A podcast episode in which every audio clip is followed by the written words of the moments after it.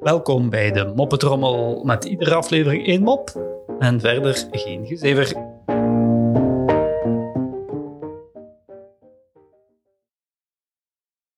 Drie blondjes krijgen van een baas de opdracht om de lengte van een lantaarnpaal te meten.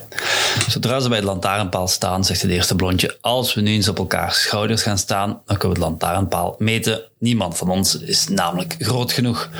De andere blondjes vinden dit een uitstekend idee en zeggen: Laten we dat doen. Het eerste blondje gaat bij de lantaarnpaal staan en de andere twee proberen op elkaars schouders te klimmen.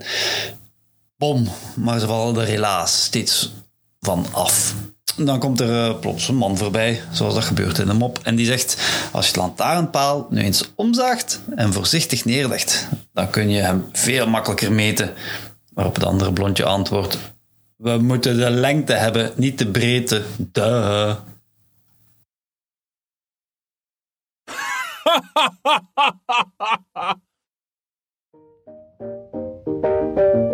Zo, dat was de moppetrommel voor vandaag. En tot morgen.